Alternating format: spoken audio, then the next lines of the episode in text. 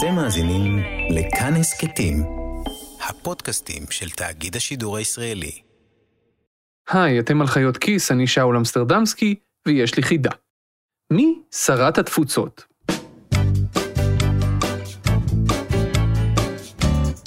אם אשכרה הצלחתם לענות על השאלה הזו, אז תדעו שמגיע לכם פרס מיוחד, כי לדעתי גם בממשלה יש שרים שלא יודעים מי שרת התפוצות.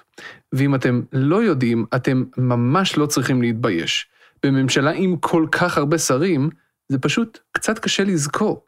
וכך נראה ההסכם בין הליכוד לכחול לבן. זאת תהיה הממשלה המנופחת ביותר מאז ומעולם. 36 שרים, 16 סגני שרים, ועוד כמה חברי כנסת שלא נבחרו, וייכנסו לכנסת מכוח החוק הנורבגי. אז בשעה טובה, אחרי יותר משנה ושלוש מערכות בחירות, המשא ומתן הקואליציוני בין הליכוד לבין כחול לבן הושלם ונחתם, ואלא אם יקרה משהו מאוד בלתי צפוי, זה נראה שהממשלה הבאה תהיה גם הממשלה הגדולה ביותר שהייתה בישראל מאז ומעולם.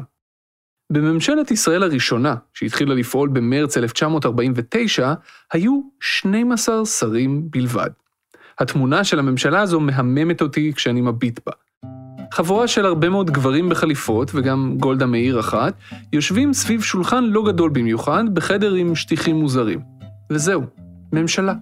המדינה הייתה קטנה יותר, זה נכון, אבל האתגרים היו לא פחות מסובכים. ובכל זאת, 12 שרים, וזהו. המצב הזה של מיעוט שרים נמשך ברצף שני עשורים, עד ל-1969. אז נחצה לראשונה הרף של 20 השרים. ובמשך 40 שנים נוספות מאז, ממשלת ישראל גדלה והתכווצה, גדלה והתכווצה, אבל נשארה בקידומת 20 ומשהו, עד 2009. אז, כשנתניהו חזר לשלטון אחרי כמה שנות אופוזיציה, הוא היה מוכן לשלם בלא מעט תפקידי שרים בשביל להקים ממשלה. ולראשונה בהיסטוריה, ממשלת ישראל גדלה ל-30 שרים. ועכשיו אנחנו הולכים לשבור שיא נוסף. 36 שרים, שזה 14 שרים יותר מאשר בממשלה האחרונה שהוקמה כאן ב-2015. לממשלה כל כך גדולה יש מחיר, והמחיר הזה הוא לא בהכרח מה שאתם חושבים.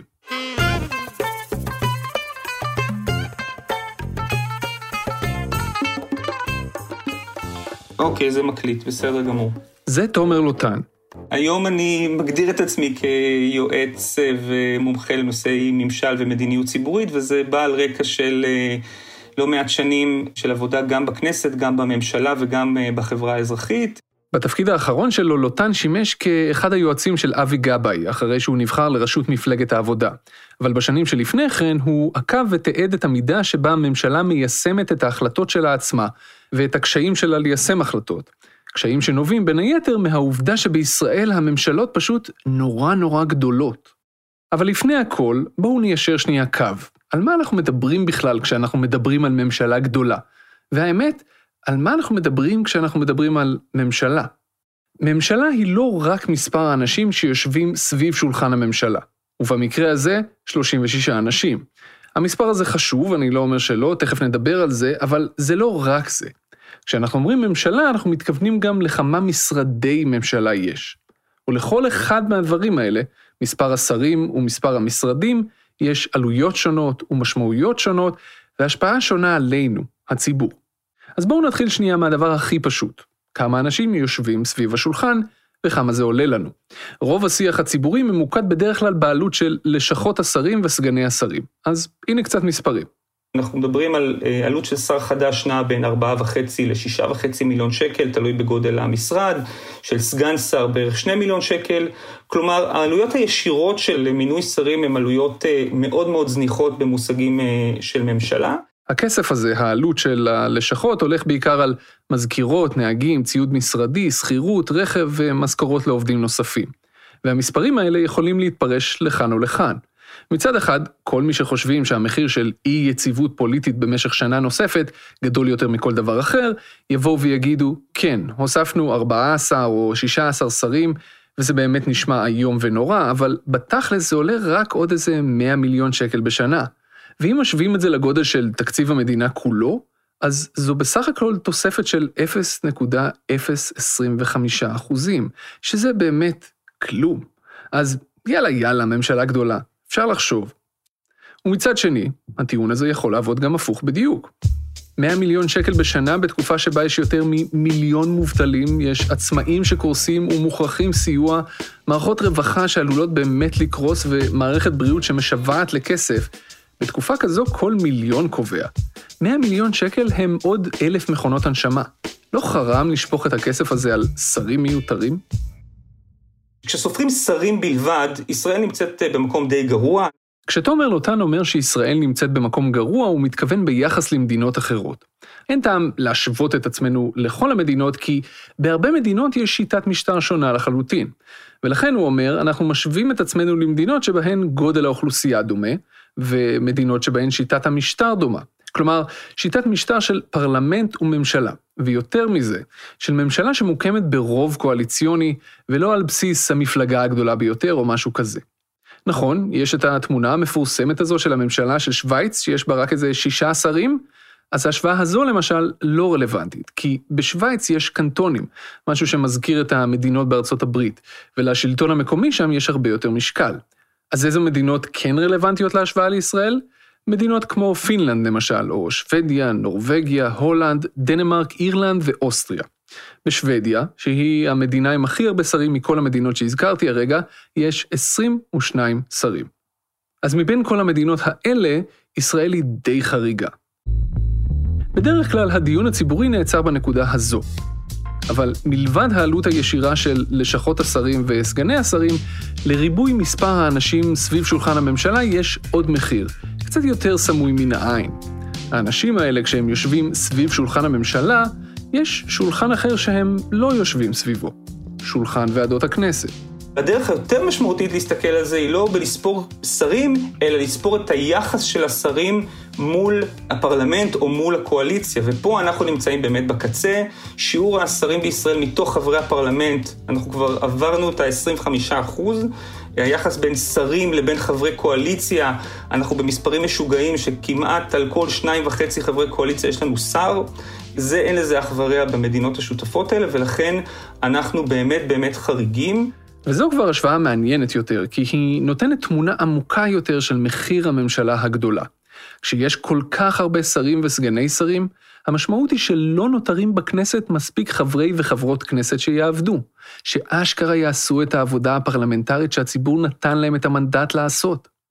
לפעמים אנחנו חושבים שבמדינת ישראל הממשלה היא הריבון, אבל זה לא נכון, זו טעות. בשיטה הפוליטית שלנו הכנסת היא הריבון, והיא זו שנותנת לממשלה את הכוח להיות הגוף המבצע שלה. בשיטה שלנו, לפחות בתיאוריה, הכנסת היא זו שמפקחת על עבודת הממשלה. הממשלה עובדת אצל הכנסת וחייבת לה דין וחשבון. ולכן יש את ועדות הכנסת שאמורות לקיים דיונים בפעילות הממשלה, לזמן את השרים ואת המנכ"לים ואת הפקידים לענות על שאלות, ולכן ועדות הכנסת דנות בכל הצעת חוק ממשלתית, לפני שמליאת הכנסת מאשרת אותן כחוקים. לממשלה אין את היכולת לעשות מה שבא לה, היא זקוקה לכנסת. כשיש כל כך הרבה שרים בממשלה, יש מעט חברי כנסת בכנסת. אם בקואליציה הנוכחית יהיו 72 חברים, ומתוכם 36 שרים ועוד 16 סגני שרים, אז המשמעות היא שיהיו לקואליציה בכנסת רק 20 חברי כנסת, שיהיו אמורים לתפקד בתור חברי ועדות.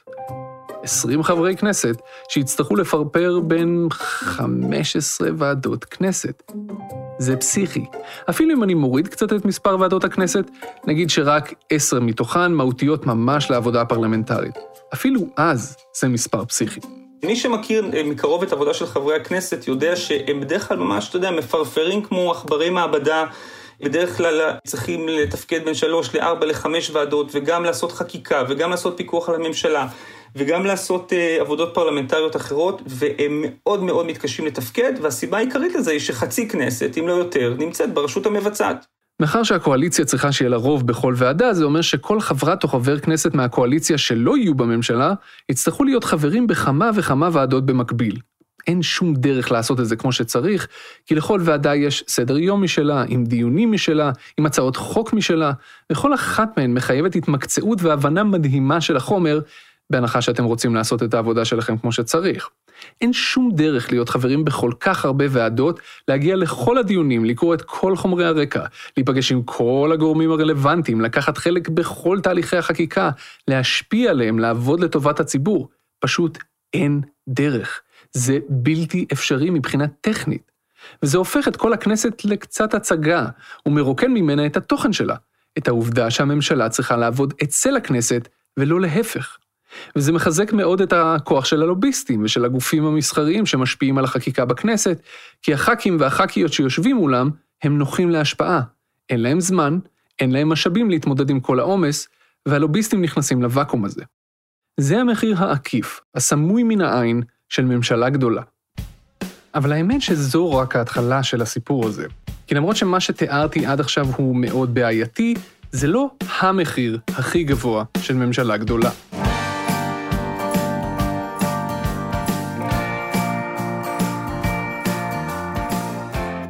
הבעיה העיקרית בריבוי השרים בהיבט של הממשלה, הוא ששרים חדשים מולידים משרדים חדשים. כי כשאנחנו מדברים על ממשלה, אנחנו לא מדברים רק על מספר השרים, אלא גם על מספר המשרדים. כשאנחנו מוסיפים שרים, אנחנו גם מוסיפים משרדים. וכשאנחנו מוסיפים משרדים, הם לרוב נשארים ולא הולכים לשום מקום. וזו, זו כבר ממש פגיעה בציבור. במאי 1999, לפני 21 שנה בדיוק, נערכו הבחירות לכנסת ה-15. הנה הגרף לפניכם, מהפך דרמטי, ניצחון סוחף לאהוד ברק. אהוד ברק גבר אז על בנימין נתניהו, וכעבור חודשיים, ביולי, הוקמה ממשלה חדשה.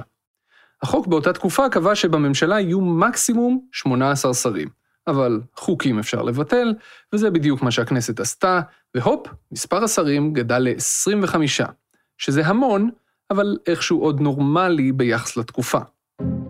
כשברק הקים את הממשלה הגדולה שלו, הוא התחיל לחלק תיקים.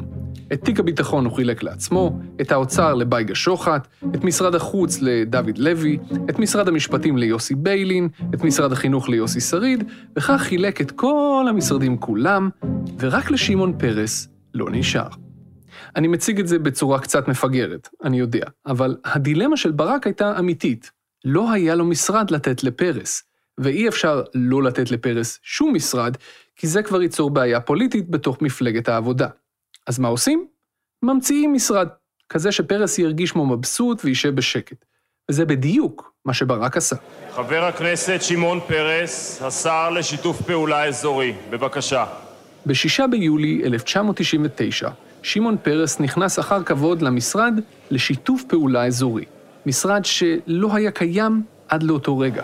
אני, שמעון פרס, בן יצחק ושרה פרסקי, זכרם לברכה, מתחייב כחבר הממשלה... וזה היה מובן מאליו לכולם, שהמשרד הזה הוא סתם קישוט בשביל פרס, שאין שום צורך במשרד הזה, שיש לנו כבר את משרד החוץ, שזה סתם, זה פייק משרד.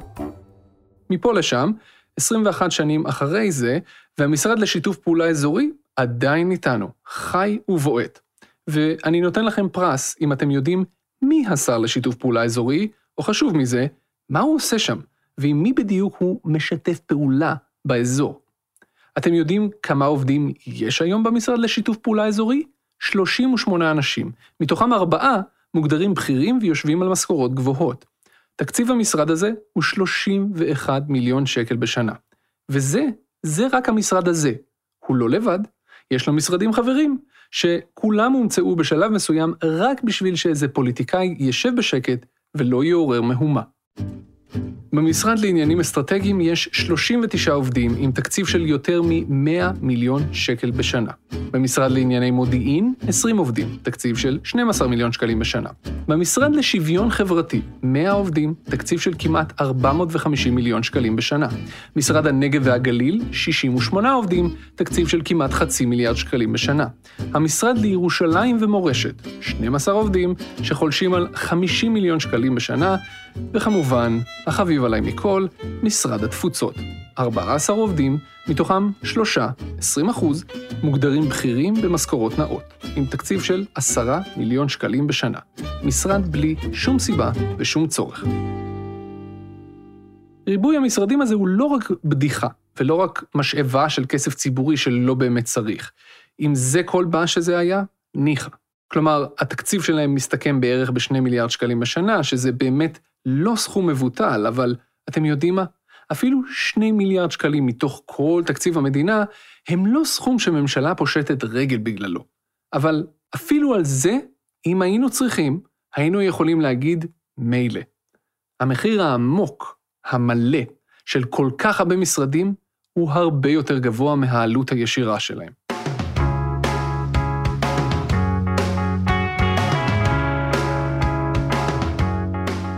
כשיש יותר מדי משרדים, לא ברור מי אחראי על מה, למי יש איזה סמכויות, ומי הכתובת במקרה של הצלחה או במקרה של כישלון. כשאתה רוצה לשאול את עצמך, מי מתעסק בנושא תעסוקת ערבים בישראל? מי השר או מי המשרד שצריך להיות אמון על הנושא הזה? אתה תוך חמש דקות מאבד את הידיים והרגליים. האם זה משרד התעסוקה? האם זה משרד לשוויון חברתי? האם זה משרד נגב גליל, ששם מצויה רוב האוכלוסייה הרלוונטית? האם זה משרד המיעוטים שהולך לקום בעוד דקה וחצי בהסכמים הקואליציוניים? ונסו לחשוב על זה לא רק מהזווית של המשרדים, אלא מהזווית של הגופים שאמורים לקבל שירות או תקציבים מהמשרדים האלה. קחו רשות מקומית למשל, שרוצה לעשות פרויקט לתושבים הגמלאים של העיר, והיא רוצה לקבל כסף ממשלתי עבור הפרויקט הזה. היא יכולה למצוא את עצמה עובדת מול שניים, שלושה, אפילו ארבעה משרדים שונים, שכולם מחלקים כסף למטרה הזאת, אבל כל אחד מדבר בשפה אחרת, ומציב קריטריונים אחרים ולוחות זמנים אחרים, וקיבלתם בלגן שלם ופגיעה בשירות שהציבור אמור לקבל, רק כי איזו חברת או חבר כנסת היו צריכים לקבל משרד שלם בשביל להיות ממושמעים ולא לדפוק את ראש הממשלה בהצבעות. ריבוי המשרדים יוצר ריבוי מחלוקות שלא נפתרות. ככל שיש יותר משרדים וגופים לצד השולחן בתהליך קבלת ההחלטות, כך תהליך קבלת ההחלטות נעשה מסורבל, ואין מי שיפתור מחלוקות שמתעוררות, והן מתעוררות. קחו למשל את הנושא של אלימות בתוך המשפחה, שזה אומר כמעט תמיד אלימות של גברים נגד בנות הזוג שלהן. בשבוע שעבר נרצחו שתי נשים בידי בני הזוג שלהן, אחת בבת ים ואחת בחולון, ובשני המקרים היה מדובר בגברים שכבר היה להם עבר פלילי של אלימות כלפי בנות הזוג. ולפני כבר למעלה משלוש שנים גובשה תוכנית לאומית אה, לטפל בבעיה הזאת, תוכנית אגב מאוד מאוד מקצועית, גובשה על ידי צוות מקצועי. אחרי שהצוות הגיש את ההמלצות, הממשלה אימצה את התוכנית והחליטה ליישם אותה. ומאז, כמה מפתיע, התוכנית מיושמת רק באופן חלקי, כי לגבי הרבה חלקים אחרים ממנה, יש מחלוקות בין המשרדים, גם על תקציב, גם על סמכויות וגם על צעדי מדיניות מסוימים. הדוגמה המדוברת למשל, היא סוגיה שקשורה לבניית מאגר גברים אלימים שיוכל לשמש את רשויות האכיפה ורשויות הרווחה כדי למנוע מקרים כמו אלה שהיו לנו השבוע. המאגר הזה כמובן מיילד סוגיות משפטיות וסוגיות של דאטה ופרטיות וכולי, אבל צריך להכריע. והיום יש המון משרדים שמתעסקים בזה, משרד המשפטים, משרד ביטחון פנים, משרד לשוויון חברתי, משרד הרווחה, והמחלוקות שרצות בין המשרדים האלה לא מצליחות להיחתך, לא מצליחות. זאת אומרת, אין לנו היום תשובות לגבי ניהול המאגר הזה, אני מדבר על מחלוקת שנמשכת כבר למעלה משנה וחצי. למה? למה זה ככה? כי כשיש משרדים שונים, יש שם ייעוץ משפטי שונה וחשבויות שונות, וכל אחד מייצר עמדה משלו. ובעיקר, אין שר אחד או שרה. אין שר או שרה שהכל מתכנס אליהם לדיון מסכם, שבו אפשר פשוט להחליט וזהו. אז לא מחליטים. אתה מכיר שעורכי דין שולחים אחד לשני אה, טיוטה א', טיוטה 28, טיוטה 32, ואחר כך צריך חוות דעת של החשב, ואחר כך צריך את החשב השני, ומה המשמעות של זה בתקנים, ומה המשמעות, וכולי וכולי וכולי וכולי, והתהליכים האלה לא מצליחים להיחתך, כי אין גורם ממשלתי היום, אפילו לא משרד ראש הממשלה, שאומר, חבר'ה, עצרו, אני יודע איך להכריע, ואני מכריע. זה. זה המחיר האמיתי של ריבוי שרים וריבוי משרדי ממשלה. דוח שחובר ב-2013 על ידי צוות מיוחד שהקים ראש הממשלה, בנימין נתניהו, הראה ששני שלישים מההחלטות של הממשלה מחייבות שיתוף פעולה רב-משרדי. כל שיתוף פעולה כזה הוא מתכון לבלגן, מתכון לשירות גרוע לציבור, להחלטות שיפלו בין הכיסאות. אני לא אומר שאת כל המחלוקות האלה היה אפשר לפתור אם היינו מצמצמים את מספר המשרדים, ממש לא, זה דורש גם מנהיגות וכל מיני דברים כאלה. אבל זה היה עוזר בלפחות חלק ניכר מהן ברגע שכל מיני יחידות ומשרדים מומצאים היו מתכנסים לכדי משרד אחד שבראשו עומד בן אדם אחד, לפחות היה פוטנציאל לחתוך חלק גדול מהבעיות האלה. לפעמים, אגב, בשביל להוסיף חטא על פשע, הממשלה מחליטה לקרוע חלקים מתוך משרדים ולהעביר אותם למשרדים אחרים, פשוט בתור נדוניה פוליטית. זה מה שקרה למשל כשחיים כץ מונה לשר הרווחה. לכץ יש כוח פוליטי גדול בליכוד והוא יודע לממש אותו. הוא הלך לראש הממשלה ואמר שהוא רוצה לקבל אליו את תחום העבודה והתעסוקה, שעד אז היה תחת משרד הכלכלה. למה? ככה. לראש הממשלה לא הייתה המון ברירה, בכל זאת חיים כץ, אז הממשלה החליטה, מעבירים. דיברתי לאחרונה עם מישהי במשרד הכלכלה שסיפרה לי שתהליך ההעברה הזה, לקרוע מפה ולהעביר לשם, לקח שנה וחצי. שנה וחצי שבמהלכה השירות לציבור נפגע. גם מנהלת השירות הלאומי זזה ממשרד למשרד יחד עם השרים של הבית היהודי.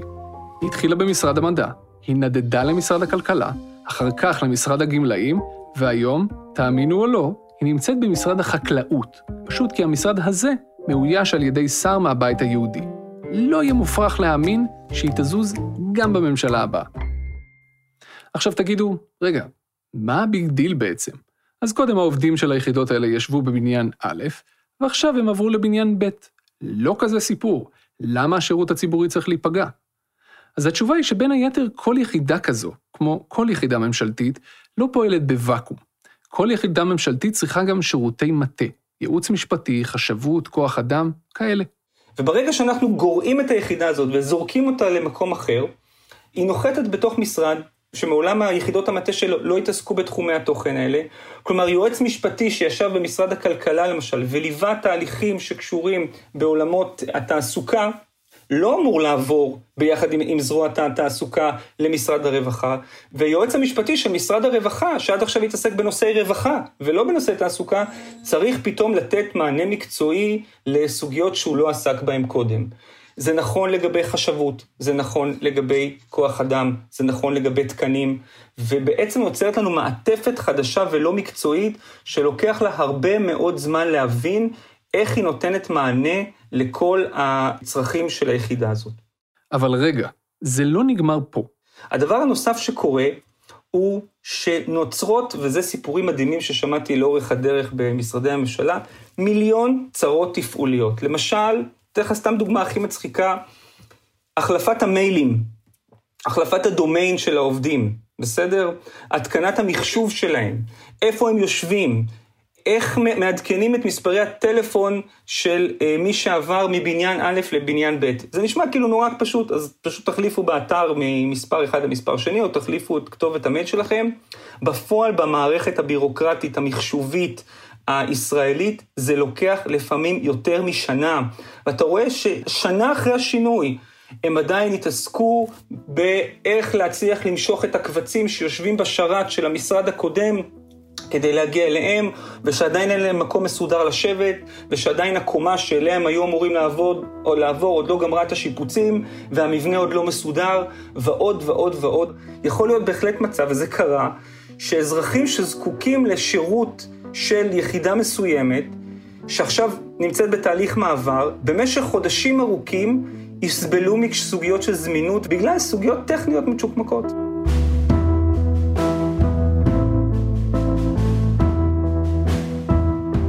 אוקיי, אוקיי, התמרמרנו, סבבה. מה עושים? איך פותרים את זה? איך שומרים על מבנה פשוט ונורמלי של הממשלה מצד אחד, אבל עדיין מתחשבים בזה שיש צרכים פוליטיים שצריך לתת להם מענה. פתרון אחד היה יכול להיות בצד של הצרכים הפוליטיים. אם היו יותר חברי כנסת, זה היה פותר את הבעיה הפרלמנטרית. ואיכשהו החוק הנורבגי, שאומר ששר בעצם מתפטר מהכנסת, ואז נכנס חבר או חברת כנסת אחרים במקומו, איכשהו זה מצמצם את הבעיה, למרות שגם לשיטה הזו יש חסרונות.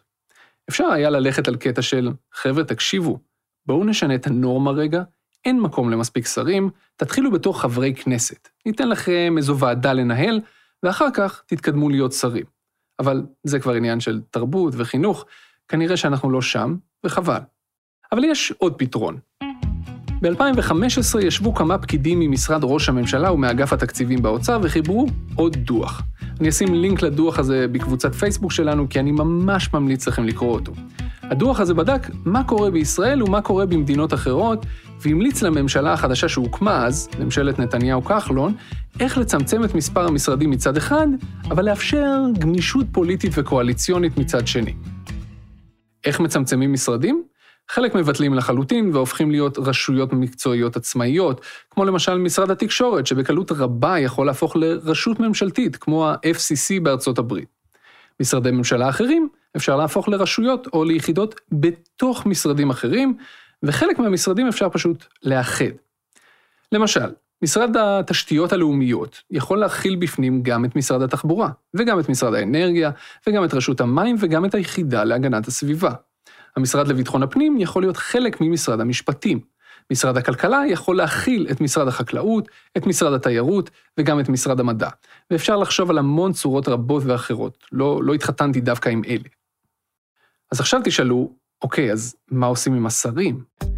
בואו נצא שנייה מנקודת הנחה שלא כל השרים סתם מחפשים כיבודים וקישוטים, ושחלקם, אולי רובם אפילו, אשכרה מעוניינים לעבוד, לשנות משהו לטובת הציבור. אז איך אפשר לתת להם את האפשרות הזו מבלי להגדיל את מספר המשרדים? אפשרות אחת היא פשוט למנות שרים לטובת פרויקט מסוים או נושא מסוים, מבלי שיש להם משרד. והאמת, כבר עשינו את זה בעבר. אה, לא יודע אם המאזינים זוכרים, אבל איתן כבל למשל היה אה, בזמנו שר ממונה על רשות השידור, מבלי לשנות את המבנה של משרד התקשורת לצורך העניין. או אה, מיקי איתן, שמונה לשר לענייני שיפור השירות לאזרח, מילא את התפקיד שלו וקידם כמה דברים מאוד מאוד יפים וטובים מתוך משרד ראש הממשלה. ויש אגב דוגמאות כאלה מהעולם, כולל עכשיו אפילו מאנגליה ראיתי שמינו אה, לפני כשנה שר חדש לענייני ברקזיט, שיושב בעצם בתוך משרד ראש הממשלה, בתוך ה Cabinet Office. העניין הוא שזה לא בהכרח מודל כזה מוצלח, ולכן מחברי הדוח ההוא מ-2015 המליצו על מודל שקיים במדינות רבות מאירופה. כמה שרים באותו משרד. אלה יכולים להיות שרים שחולקים מעמד זהה, ואף אחד מהם לא נמצא מעל השני. זה קצת בעייתי, כי זה מחייב ממש הרמוניה בין השרים האלה, וזה עלול להשאיר מחלוקות לא פתורות שצריכות לעלות לרמת ראש הממשלה. ולכן הם הציעו גם מודל אחר. כמה שרים באותו משרד, שחלקם אחראים על נושאים מאוד מסוימים בתוך פעילות המשרד, עם שר אחד בכיר יותר שאחראי על כל פעילות המשרד. למשל, שר ותיק יותר, עם יותר ניסיון. זה מודל שקיים בהרבה מדינות, כולל בארצות הברית. סוג של שר וסגן שר מבלי לקרוא לזה סגן שר. זוכרים שפעם, פעם, פעם, ממש מזמן, מאיר שטרית היה השר במשרד האוצר, מתחת לשר האוצר בנימין נתניהו? אני אחזור על זה קצת, כי זה קצת משונה בהתחלה. כשנתניהו היה שר האוצר, בשנים 2003 עד 2005, היה איתו עוד שר במשרד. לא סגן שר, אלא שר. מאיר שטרית ההגדרה שלו הייתה השר במשרד האוצר. מה הוא עשה שם במשרד האוצר? לא המון, אבל הוא פשוט לא רצה להיות סגן שר. אז זה דווקא יכול להיות פתרון מעניין אם עושים את זה ברצינות ולא בקטע כל כך מטופש. זה בוודאי עדיף שיהיה לנו בתוך משרד התרבות והספורט שר ממונה לתרבות ושר ממונה לספורט, מאשר לקחת את משרד התרבות ולספורט ולפרק אותו לשני משרדים שונים. זה יותר הגיוני לאחד את משרד uh, הכלכלה עם משרד התיירות ולשים בתוך המשרד המאוחד הזה uh, שני שרים על שני התחומים האלה, מאשר לפרק עוד ועוד את uh, המשרדים לתחומים לא רצויים. זה לא פתרון אידיאלי. בעיניי, וגם לדעתו של תומר לוטן, הפתרון הנכון הוא מיעוט משרדים וזהו. אבל אם לא ניתן לפתור את הבעיה שנובעת ממערכת של ריבוי מפלגות וצורך בקואליציה וגם תרבות פוליטית בעייתית, אז כבר עדיף באופן הזה. הפתרון צריך להיות איחוד מבנים למשרדים אחודים, ובתוך המשרדים האלה לאפשר חלוקה סמכויות בין שרים, כולל שרים שיקראו להם בלי תיק, עם תיק, זה לדעתי פחות משנה, אני מעדיף 20 שרים בלי תיק מאשר 22 שרים עם תיק. הדוח הזה שחובר ב-2015, זה שקרא לצמצם את מספר משרדי הממשלה, נכנס אפילו להסכם הקואליציוני שנחתם בין הליכוד וכולנו בהקמת הממשלה ההיא. יודעים מה קרה איתו מאז? שום דבר. מספר משרדי הממשלה רק גדל. ועכשיו, ככה נראה לפחות לפי ההסכמים הקואליציוניים החדשים, המספר שלהם יגדל שוב, והציבור ישלם את המחיר. ואני יודע שבשלב הזה הסקרנות אוכלת אתכם, אז הנה התשובה לשאלה ששאלתי בהתחלה. התשובה היא ציפי חוטובלי. ציפי חוטובלי היא שרת התפוצות. ואם אתם ממש במצב רוח הרפתקני, אז שתדעו שהשר לשיתוף פעולה אזורי הוא צחי הנגבי. אני מקווה שאתם מרגישים שלמים עכשיו.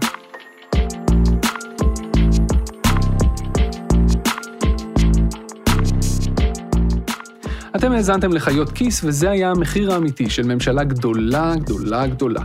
העורך והמפיק שלנו הוא רום אטיק, עורך הסאונד הוא אסף רפפורט. יחד איתי חברות במערכת גם צליל אברהם ודנה פרנק. תודה גם לשרון אלבז על הסיוע. אם אתם רוצים לקרוא את הדוח הזה שהזכרתי, בואו לקבוצת חיות כיס בפייסבוק, או לעמוד שלי בפייסבוק, או לטוויטר שלי, אשים שם לינק. כל הפרקים שלנו זמינים להאזנה באתר כאן ובכל אפליקציית פודקאסטים. מקווה שאתם מחזיקים מעמד בשגרת הקורונה החדשה. אני שאול אמסטרדמסקי, תודה רבה שהאזנתם.